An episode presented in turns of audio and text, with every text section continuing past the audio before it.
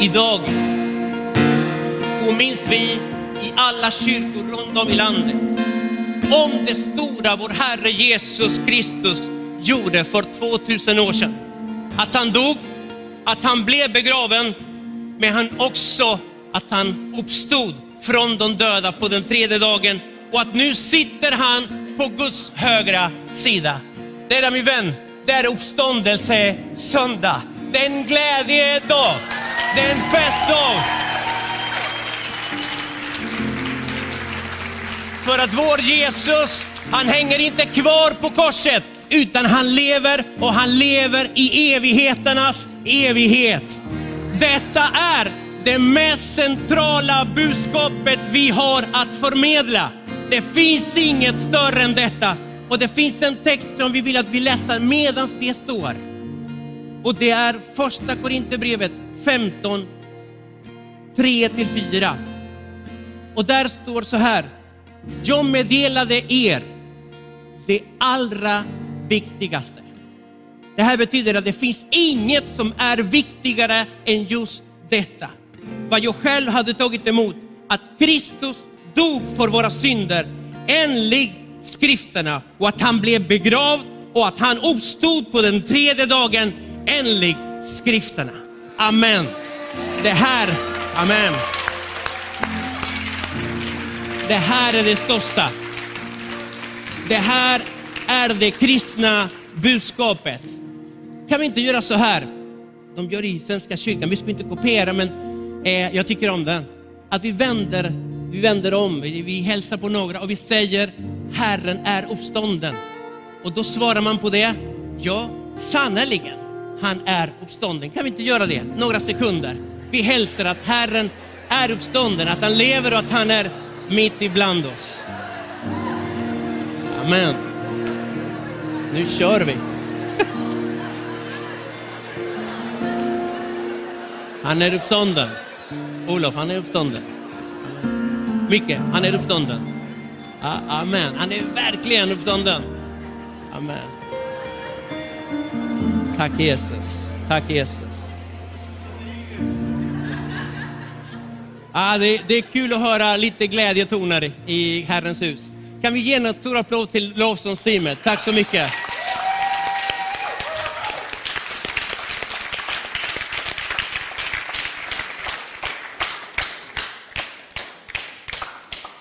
Amen. Amen. Ja, vad roligt. Eh, kul att börja så här. Eh, mitt namn är Jorge Moreno. Eh, gift med Rosa, som är där någonstans. Eh, och eh, en av pastorerna här i det här huset. Så jag hoppas att du känner dig välkommen. Eh, speciellt du som är här för första gången. Finns det några här som är för första gången? Titta, titta, titta, titta, titta.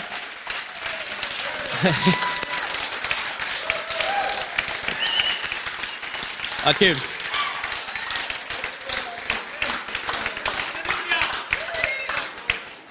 Det här, det här bådar gott alltså. Det här kommer att bli bra.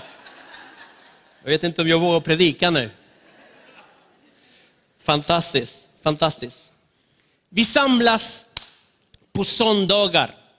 På söndagar som är den dagen Herren uppstod från de döda. Det är därför vi firar faktiskt gudstjänst på söndagar och inte på lördag som är judarnas sabbat. Det är för att påminnas om att Jesus lever. Så varje söndag är uppståndelsesöndag, varje söndag är Herrens dag. Så att när vi kommer till kyrkan, vi påminns om, han är inte död, han lever. Amen. Han är verkligen uppstånden. Det är bra. Det finns, eh, eh vi befinner oss i en serie där vi pratar om just om att, eh, uh, att han är alfa, att han är omega, att det finns eh, eh att det är en ny himmel och ny jord, att Gud har kommit för att göra något nytt. Han har kommit för att upprätta och för att ge liv. Och det är lite grann det jag tänker prata om idag. Herrens upprättelse och Herrens liv. Eh, det finns en fras som Jesus, en epitet som Jesus upprepar ofta i evangelierna. Och det är, det är epiteten, jag har kommit. jag har kommit. Ibland säger han, jag har inte kommit. Men det mesta är, jag har kommit. Och när, varje gång du läser det här i evangelierna, stanna lite till. Stanna, stanna vid den frasen, för att det Gud kommer att göra, det Herren kommer att göra, det är att avslöja. Han kommer att uppenbara om varför han har kommit till oss. Anledningen, själva syftet om varför han har kommit till oss. Han avslöjar himmelens intentioner när han kom hit. Och Jesus dog på korset, inte bara för syndernas förlåtelse. Ibland när vi tänker på korset, det är liksom, tack Jesus för att du dog och du tog mina synder till, till korset. Och det är sant, men det är bara en del av allt han hade planerat. Kors, det som hände på korset var mycket, mycket, mycket större än så. Han skulle upprätta någonting, någonting som hade gått sönder i paradiset, det ska upprättas på ett kors. Någon, en relation som gick sönder, någonting gick förlorat och nu skulle helas, nu skulle det upprättas på korset. Han kom för att tillintetgöra syndens makt över människan och han kom för att riva ner muren, det som skilde oss från Gud. Han kom för att ta död på separationen. Han kom för att ta död på avståndet mellan himlen och oss. Han kom för att ge oss den rätta bilden av vem Fadern är. Och hur många människor lever under den här bilden? Att Fadern är en sträng fader, en arg fader, som bara väntar på att du ska göra fel, för då ska du få. Det där är inte Gud. Och om du har den där bilden, du behöver möta Jesus. För att den bilden som Jesus målar är en helt annan Gud. En Gud som älskar och inte bara älskar, han superälskar, duperälskar dig. Bauta älskar, det är inte ens ord det här, jag bara babblar nu. Men det är liksom, det är för att man ska förstå, det finns inga ord för att beskriva, ty så älskade Gud världen. Att han gjorde någonting för dig. Det är det talar korset om. Och vet du vad? Jag vet inte, ibland kan man känna sig smutsig, misslyckad, man räcker inte till och sådana där grejer. Men ni som är föräldrar vet om det här. Det spelar ingen roll hur smutsiga barnen är. Hur snoriga de är. Det spelar ingen roll hur mycket det luktar i blöjan. Åh, tjena vad man älskar dem. Och skulle Gud göra något annorlunda? Nej, mina vänner. Han älskar dig så mycket, så mycket att han offrade allt på ett kors för att du och jag skulle få tillfällen att komma nära honom. En annan sak som han gjorde också på korset, det var att försona hela skapelsen med skaparen. Så det här gäller inte bara människan, det är hela skapelsen, det är större. Han tog hela skapelsen till korset för att upprätta Guds ordning igen. Han kom också för att etablera Guds rike på jorden. Så Jesus, det vi ibland uppfattar Jesus där på korset som slutet, det, det är bara början. Han siktar på ännu längre bort, han siktar på ett folk som kommer att få uppleva otroliga saker i hans namn. Så att etablera Guds rike här på jorden. Och det sista, han kom för att ända, tända en eld. Han längtade efter att tända en eld. Och det låter som att han var pyroman. Det var han inte. Men han säger i Lukas 12 och 49 så här, jag har kommit för att tända en eld på jorden. Och hur gärna ville jag inte att den redan vore tänd. Vet du vad han ser? Han ser pingstdagen framför sig. Han ser effekterna av det som kommer hända på korset. Han, kommer, han, han ser den helige ande verksam här på jorden. Han ser kraften som finns i himlen över vanliga människor och förvandlingen som detta kommer att orsaka. Effekterna av korset. Medan lärjungarna grät och såg bara en, en, en Messias som dog och sägs och här och här slutar berättelsen. Jesus sa, vi har bara börjat.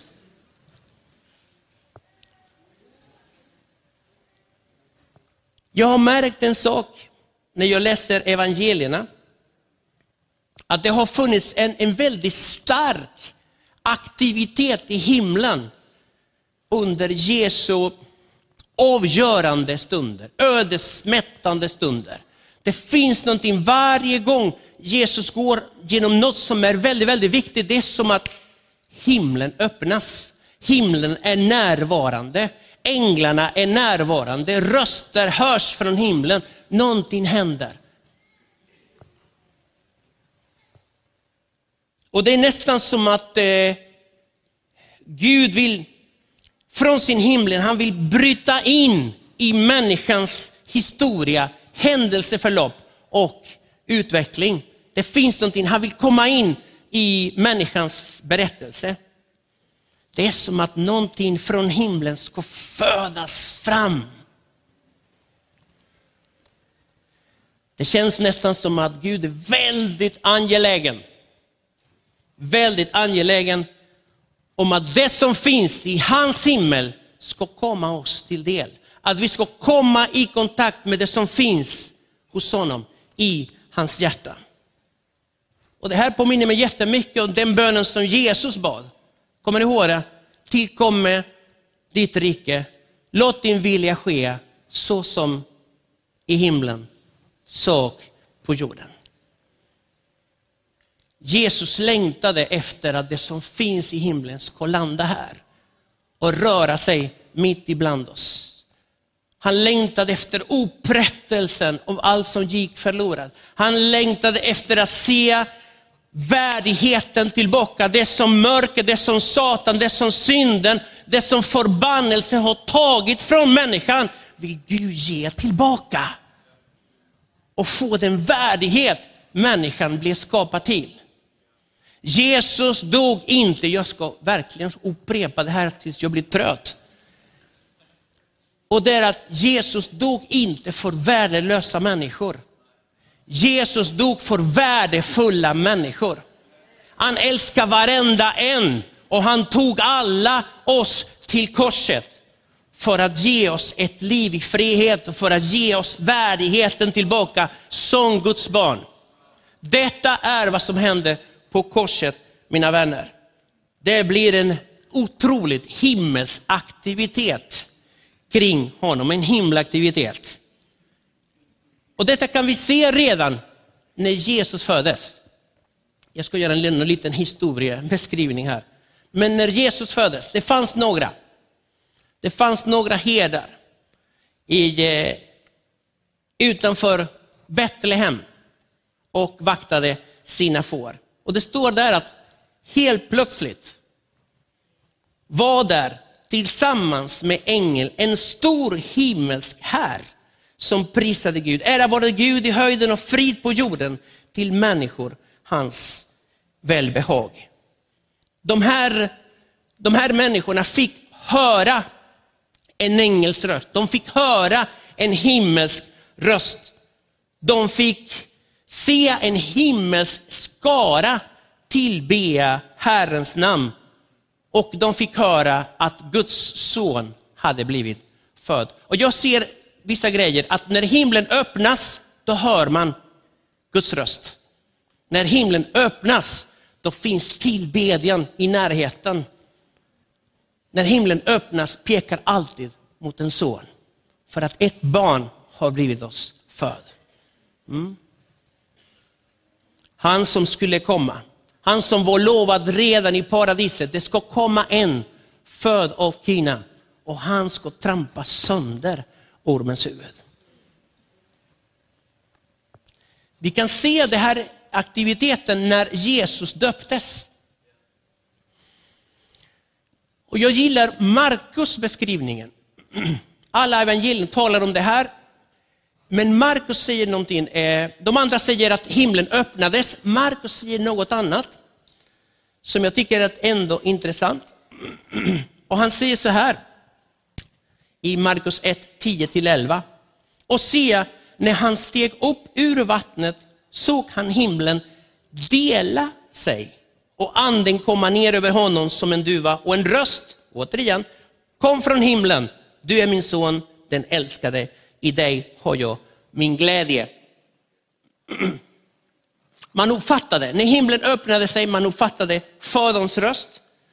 Man fick se den helige ande komma ner och man hör en sak, en bekännelse och ett erkännande från himlen att Jesus var den älskade sonen. Men ordet fastnade jag för, dela sig. På grekiska det är skisso, skisso. Och kanske du känner igen det där, var kommer det där ifrån? Schizofren. Mm. Skisso, det betyder dela, delad. Men det kan också betyda att rämna. Det kan också betyda att dela mitt i tu. Det kan också betyda så. Att klyva, att brista. Någonting hände när Jesus döptes. Himlen öppnade sig. Någonting ville bara komma ner, ville bara komma ut, ville bara komma till oss. Han är min son. Det jag kan höra är stolthet i himlen. Faderns stolthet över vem Jesus är. Hans sanna identitet är att han är älskad. Han är min son, han är högt älskade och i honom har jag min glädje. Detta är vad himlen säger när, det, när himlen öppnas. Det är vad vi får uppleva. Och detta kan vi också uppleva, du och jag. Att när himlen öppnas, när himlen skisso, det är liksom en röst kommer alltid tala en sak för dig, är inte hur många fel du har gjort. Han kommer inte att fråga dig efter dina prestationer. Han kommer inte att fråga hur mycket du har gjort. Han kommer att säga en enda sak. Du är mitt barn. Du är den älskade och i dig, i dig har jag min glädje. Bara så du inte missar det.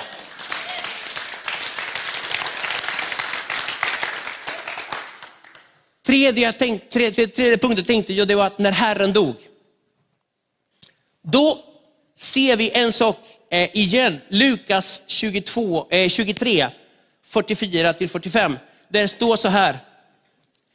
Det var nu omkring sjätte timmen, då kom över hela landet ett mörker som varade ända till nionde timmen.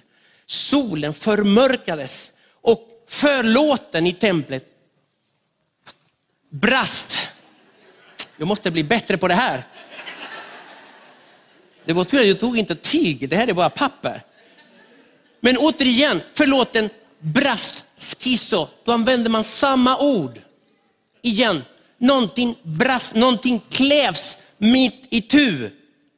Och det här säger mig också en sak, att varje gång himlen öppnas, separationen med Gud försvinner, murarna försvinner, friheten kommer till oss. Avståndet försvinner. Därför har Jesus dött för oss. Avståndet ska inte finnas. Du ska inte vara långt bort ifrån Gud, utan nära. Ja, men jag har misslyckats, jag har gjort det, jag har... Men kära någon, räck upp handen, den som aldrig har misslyckats. För då vill jag ha din autograf i min bibel.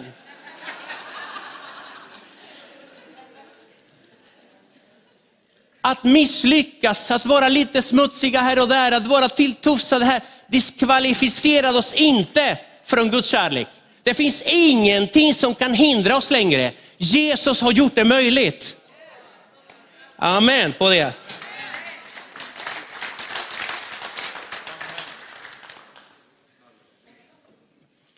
Det här är en intressant berättelse. Eh, ibland tänker vi på korset och tänker på det Jesus har gjort för mig och det är helt okej. Okay. Jesus har tagit bort mina synder, Jesus ger mig frihet och så. Men ibland får jag en känsla att det handlar väldigt mycket om mig. Att det är från mitt perspektiv, allt det jag får. Det är min berättelse. Det här är mitt vittnesbörd. My testimony. Varför inte hans berättelse? Varför inte hans vittnesbörd? Jag får en känsla att Jesus fortfarande går omkring bland städer och byar och han gör fortfarande gott och hjälper alla och botar alla som är i djävulens våld. Fortfarande. Det är hans berättelse, hans vittnesbörd om hur han kom i mitt liv. Hur han övertygade mig, hans ande övertygade mig om mitt behov av Jesus. Det var han som tog mig, renade mig, bytte om mina kläder, satte sitt sigill på mig, skrev sitt namn in i mitt hjärta, gav mig en mening, kallade mig barn och så följ mig. För jag har ett väldigt spännande liv att leva tillsammans med dig. Att det var han som inbjöd mig till en vandring och under den vandringen, under den efterföljelse förvandlade han mig till det jag är idag. Är det inte hans berättelse? Jag tror att det är bra ibland att vi bara vänder på det hela, vänder på steken och ja, det är din berättelse om hur du möter mig. Och den dag min Gud är jag väldigt tacksam för. För annars mitt liv hade sett helt annorlunda ut.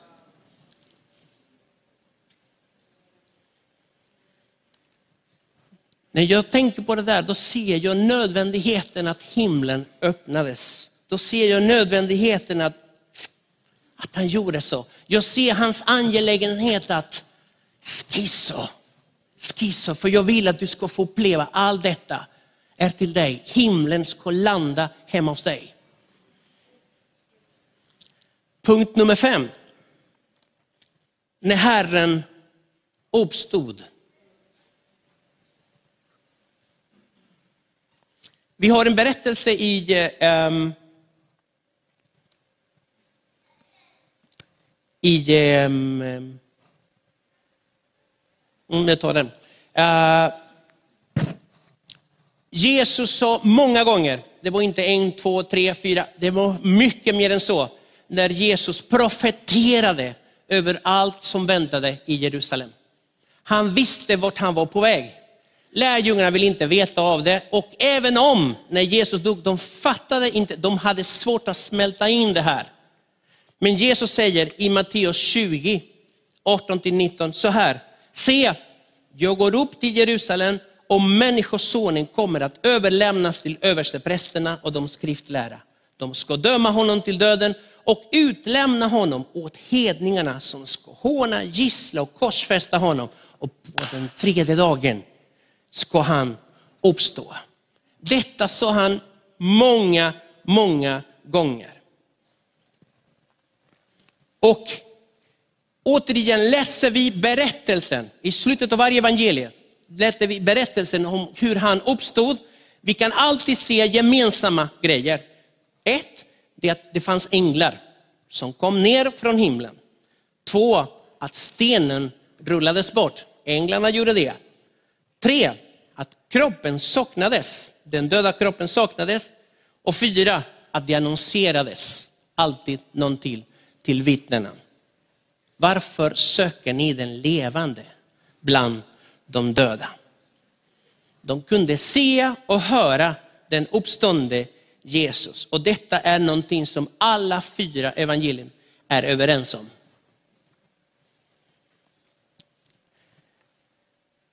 Några dagar senare kommer att hända något annat. Och det är att han kommer att bli upptagen till himlen. Återigen, himlen kommer att reagera. Och då står i Apostlagärningarna 1, 9-10 följande. Då han hade sagt detta såg de hur han lyftes upp i ett moln, tog honom ur deras åsyn, medan de såg mot himlen dit han får upp. Se, då stod två män i vita kläder hos dem och de sa, ni män från Galilea, Galileen, varför står ni där och ser mot himlen? Och jag tyckte det är en väldigt konstig fråga. Eh, men änglar är änglar, jag vet inte. De ställer konstiga frågor. Varför tittar ni? Alltså vår mästare får upp till himlen, varför står ni där? Jag tror att änglarna ville att de skulle fokusera på det Jesus hade pratat med dem innan han får upp till himlen. Och det läser vi en vers innan och det är vers 8 i Apostlagärningarna kapitel 1. Och det är när den helige ande kommer över er ska ni få kraft och ni ska bli mina vittnen. I Jerusalem, hela Judeen, Samarien och ända till världens yttersta gräns. Det är fokusen. Att himlen är öppen, halleluja, men uppdraget. Det finns någonting som Gud vill göra här på jorden. Fokus mina vänner, fokus mina vänner. Ja, varför tittar ni? Nej, fokus mina vänner. Det här, det här ska vara fokusen. Han vände tillbaka till himlen där han kom ifrån för att inta sin rätta plats, sin rättmätiga plats. Att sitta vid Faderns högra sida.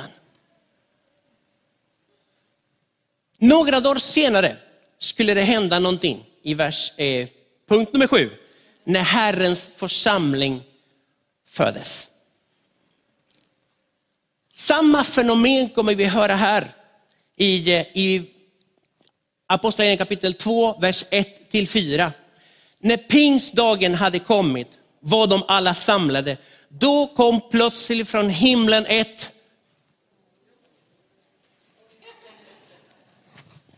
Men ett dån, någonting rämmade, någonting krossades, någonting brast, någonting föddes fram. Kraften från himlen landade bland de troende.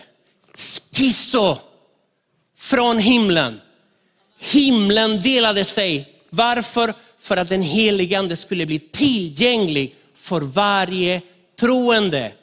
Det var avsikten med det hela. När pingstdagen hade kommit, de var samlade, då kom ett dån som en våldsam storm drog fram. Det var inte något litet här och det fyllde hela huset där de satt. Tungor som och eld visade sig för dem och fördelade sig och satte sig på var och en av dem och de uppfylldes alla av den helige ande och började tala främmande språk allt eftersom ande ingav dem att tala. Och här ser vi himlen igen. Hur himlen bara kommer in och bryter in i den mänskliga historien, i kyrkans historia. Och då ser vi att varje gång himlen öppnar, den helige ande, det har med den helige ande av de troende. Vi behöver leva under detta, mina vänner. Sista punkten. Jag har fortfarande bra med tid. När Herren kommer tillbaka. När Herren kommer tillbaka kommer himlen återigen att reagera. Änglarna säger till lärjungarna, just i Apostlagärningarna kapitel 1 och vers 11, bara vi fortsätter lite till.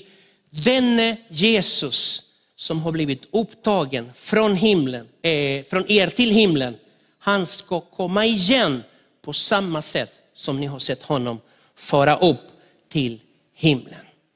Den här gången när han kommer tillbaka, det är inte som en snickare, utan han kommer som kungars kung och herrars herre för att hämta det sina. Återigen, himlen kommer att reagera. Mina vänner, Jesus, Gud har öppnat himlen för oss. Och det är för att vi ska höra en röst från honom. Det är för att vi ska få uppleva hans välsignelse. Det är för att vi ska få uppleva hans kraft, den helige ande över oss. Den, himmel, den himmelska världen är öppen för varje troende. Och därför kan vi nå nådens tron med vår bön för att be om våra behov och de människorna som är runt omkring oss också.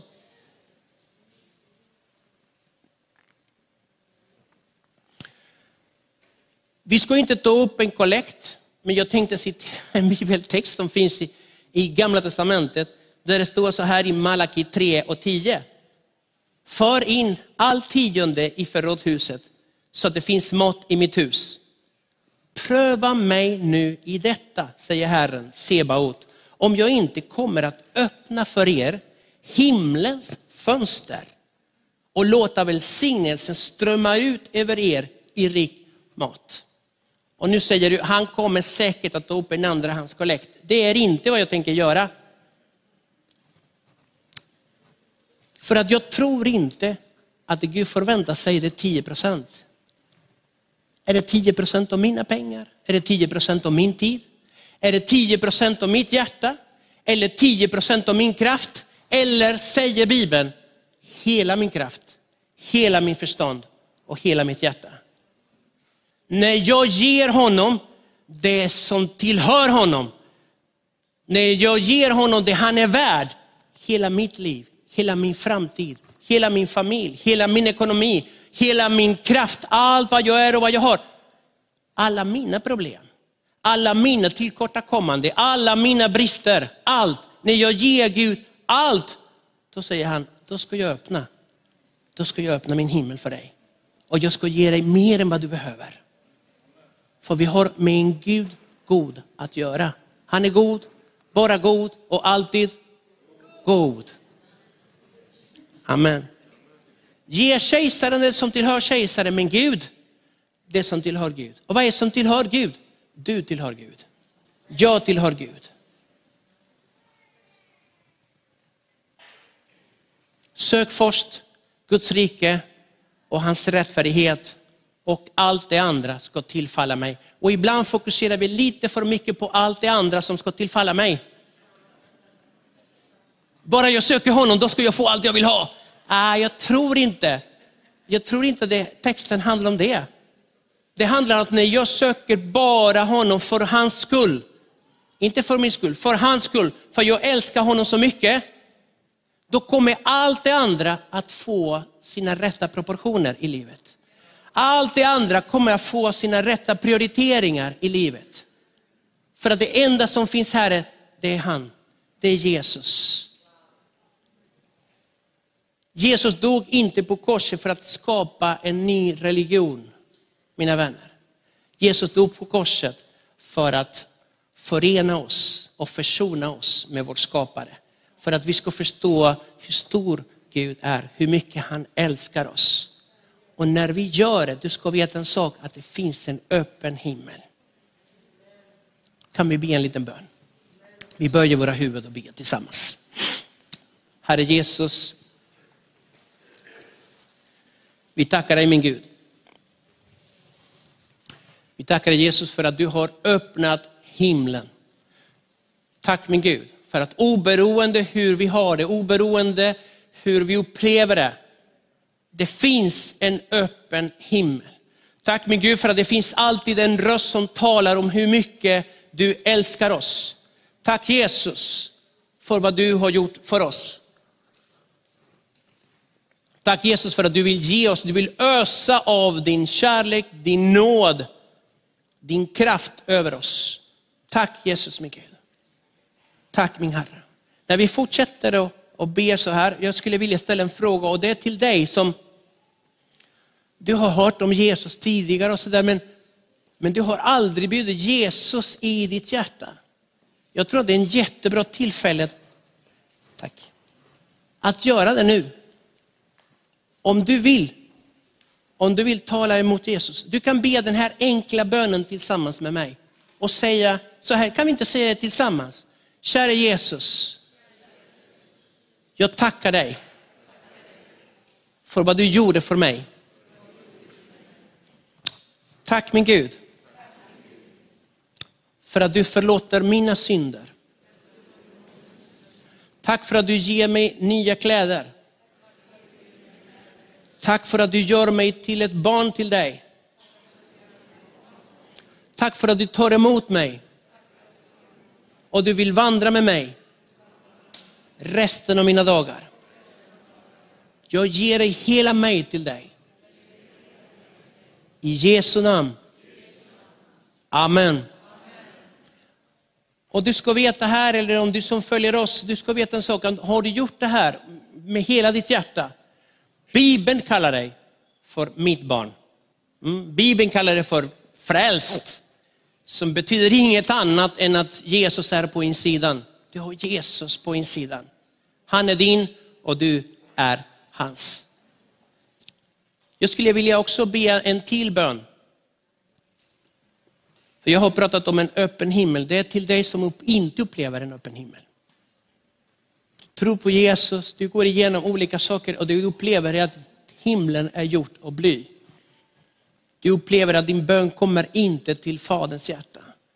Du upplever inte att han hör dig och du har inte upplevt Guds röst på ett bra tag. Jag skulle vilja be för dig. Vi böjer våra huvud, vi tittar inte på varandra just nu. Men om du är här och känner, ja, jag skulle vilja att någon ber en bön för mig. Räck upp en hand bara. Jag ska be en bön tillsammans med dig. Jag ser händer som räcks upp och de räcks upp inför Herren. Och Herre Jesus, jag ber att du välsignar varje hand som räcks upp just nu. Jag tackar dig Jesus min Gud för att din himmel är inte gjort av bly. Tack min Gud för att du hör oss när vi ber, Herre min Gud. Tack min Gud för att du säger att när vi ropar så vill du inget annat än att höra och svara. Tack Jesus för att när vi inte orkar ropa, du hör våra viskningar. Du hör våra suckar min Gud. Tack Jesus.